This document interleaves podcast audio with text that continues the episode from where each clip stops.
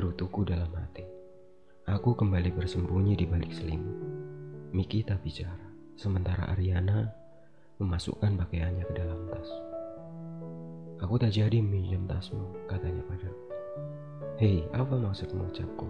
Dan aku mengangkat kedua tanganku. Mau ke mana kau? Aku menghampirinya. Memasukkan bajunya lagi ke dalam tasku yang tadi sudah ia keluarkan. Apa ini penting? Katanya sembari tertawa sinis. Tentu saja. Mau ke mana kau? Pulang, singkatnya. Kenapa kau tak bilang? Tanyaku. Ariana diam tak peduli. Dengar, jangan bertindak seperti anak kecil, ucapku. Iya memang aku seperti anak kecil. Lalu apa masalahmu? Sialan. Apa yang sudah kulakukan sesalku dalam hati. Maaf soal ucapanku tadi, ku tarik kata-kataku. Kamu gak perlu minta maaf. Buat apa? Kamu benar. Aku seperti anak-anak. Dan ya, keberadaanku di sini hanya menyinggungmu kan?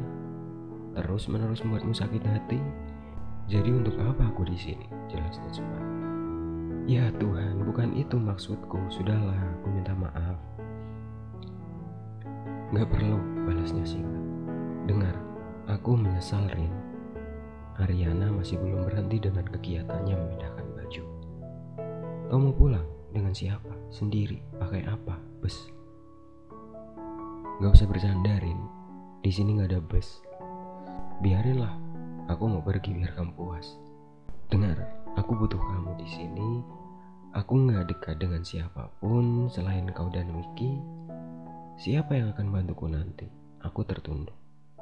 Maafin aku, Rin. Aku pulang dengan temanku. Nanti dijemput. Anjing. Aku pulang dengan temanku. Nanti dijemput. Ucapnya membuang muka. Tapi kenapa harus pulang? Karena aku harus. Ya udah. Kamu boleh pulang, tapi hati-hati. Ini udah malam. Bisa kau pastikan kau akan baik-baik aja kan? Ya, pasti. Balasnya singkat. Ya udah. Kini kami rapikan pakaian bersama. Biar ku bawakan sediaku. Sholat dulu ya sebelum. Siap, katanya. Kau juga? Iya baik. Selepas sholat temannya datang, Ariana pulang. Dia harus baik-baik saja. Tapi aku tak rela, aku yakin esok akan sepi. Dia harus cepat kembali. Aku naik ke atas, raut wajah Miki telah berubah, kini dengan senyum. Maaf, Ti.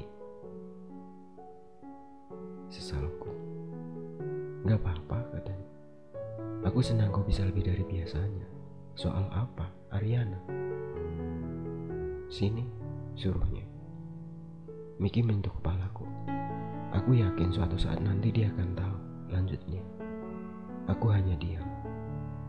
Kami berdua turun ke dapur untuk membuat makanan untuk anak TK. Lebih tepatnya membuat agar-agar masakan yang paling. Lebih ke sisi ekonomis sebenarnya. Dana kami pas-pasan, kau harus tahu itu.